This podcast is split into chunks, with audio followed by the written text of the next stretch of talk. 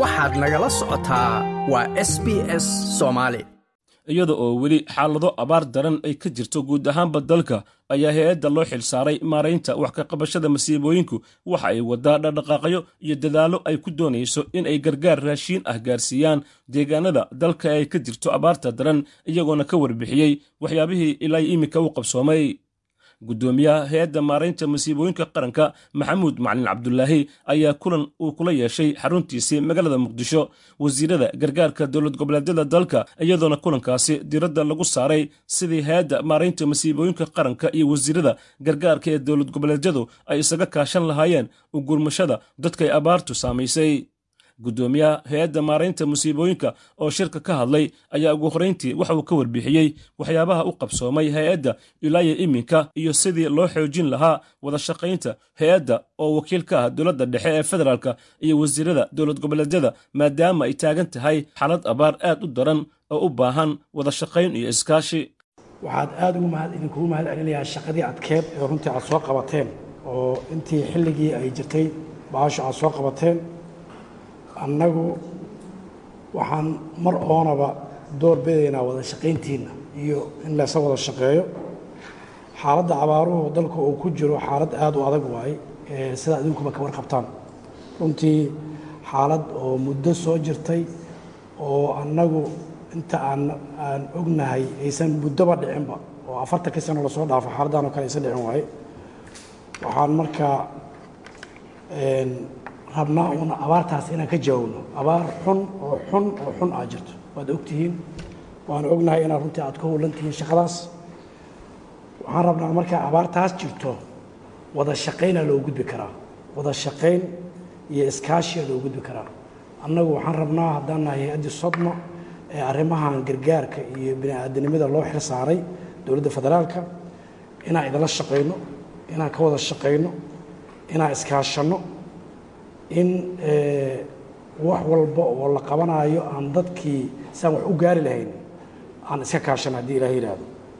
Waxaa ogtihiin sodma inta ay jirtay oo wakhti gaabana haddii laga reebo oo dib loo cusboonaysiiyey waxaan geynay raashimo aan ku qaadno diyaarado.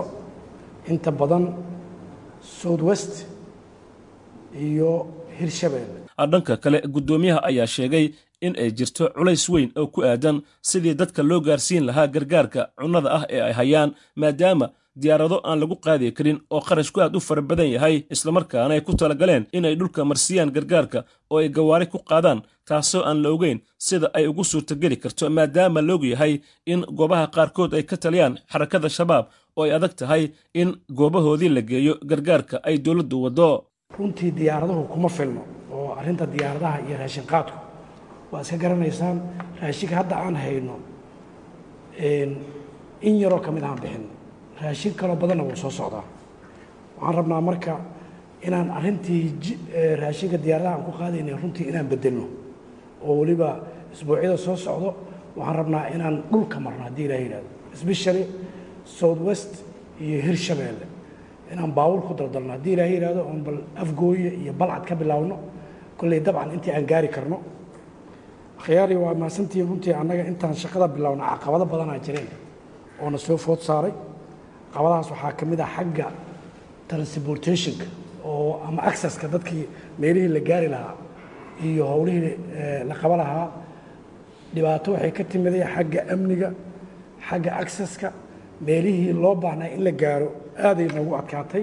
Wasiirka gargaarka ee maamulka koonfur galbeed cabdinaasir cabdi caruush oo ku hadlayey afka wasiirada gargaarka ee dowlad goboleedyada ayaa isaguna halkaasi ka ballan qaaday in ay wada shaqayn toosa la yeelan doonaan hay'adda gargaarka masiibooyinka qaranka.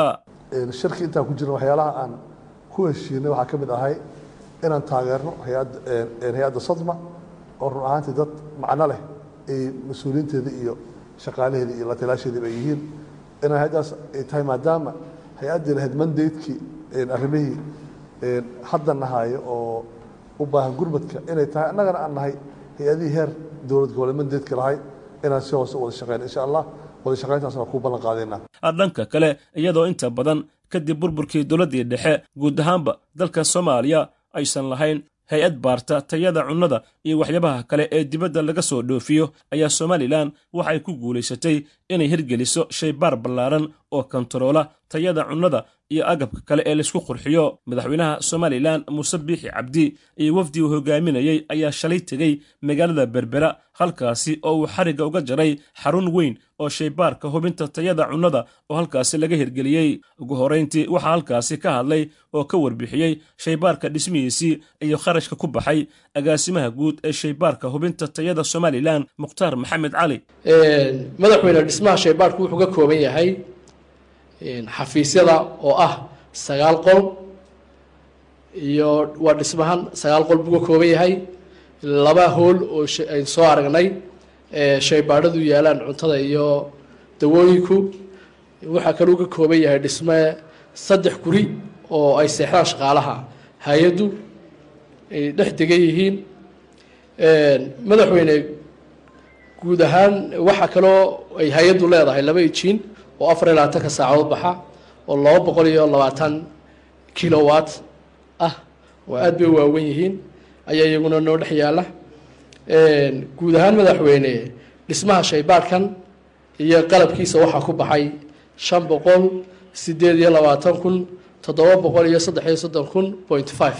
Waa dhismaha keliyata sidoo kale shaybaadhka cuntada shaybaadhka cuntada waxay naga maalgeli waxaa maalgelisay hay'adda trademark east africa oo taageero dhaqaale ka helaysa hay'adda caalamiga ee deeqaha ingiriiska f c d o foreign commonwealth and development office. Shaybaadhkaasi wuxuu dhamaystirayay madaxweyne waa kaynu soo kormeernay shaqadiina wuu bilaabay waxaana ku baxday lacag dhan shan boqol iyo konton kun oo dollar. Madaxweyne shaybaadhka cuntada iyo cabitaanadu waxay adeegsan doonaan heertayadyada standardska ay somalilan samaysay gaar ahaan hay'adda dhowrista iyo tayada. Standardska ay ku shaqeyn doonaan waa standards la sameeyey oo u dhammaystira cuntadu. Qof kasta oo ganacsadaana wuu helayaa oo waa la siinayaa standardska loo baahan yahay. Horena waa loo siiyey iminkana waa la siinaya hadduu la yidhaahdo. Madaxweynaha somalilan muuse bixi cabdi ayaa ugu dambayntii halkaasi ka hadlay isagoona shaqaalaha hay'addaasi ku dhiirigeliyey inay kordhiyaan tayada aqoontoodii maadaama ay gacanta ku hayaan howl qusaysa caafimaadka bulshada. Waan bogaadinayaa hay'adda baarista tayada ama tayada iyo maareeyahooda iyo shaqaalahoodaba. Hawshan culus ay dalka u hayaan iyo birigoo ay bilaabeen inay naga hubiyaan wixii cunto iyo qalab la ismariyo iyo wax kastoo jirkeenna wax dhimaayo oo cabid iyo naga soo gaaro si aynu taa u gaadho oo aynu u xaqiijino waxaana si dhowr qodob baynu u baahannahay marka hore qof kasta maareeyaha ka bilow guddida ku dar shaqaalaha waxaynu u baahannahay qof wal oo hay'adda ka shaqeeya inuu kordhiyo aqoontiisa uu aada isugu u dadaalo in uu barto. Hawshan aada takhasuska gaarka ah ee chemicalka ah ee caafimaadka bini aadmiga saamaysa. Waad soo barateen jaamacadaha ka soo baxdeen iyo iskuullada laakiin taasiyad kuma filla. Maalin walba adduunka waxba isbedelaya. Waxa soo baxaya scientific cusub. Markaa taa waad ku dardaaraya. Ta labaad waxaan isku dardaaraynaa hay'adda guddida tayada shaqaalahooda maareeyahooda iyo xafiiska madaxtooyada hoos timaadaanba waxa qura ee xilkan la gudan karaa haddii aynu helno dhowr arrimood.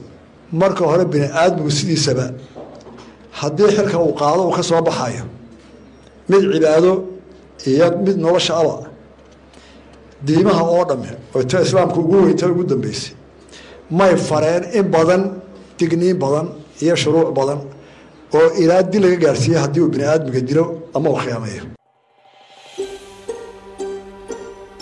Ma doonaysaa sheekooyinkan oo kale? Ka dhegayso apple podcast google podcast spotify ama meel kasta oo aad bodkastigaaga ka hesho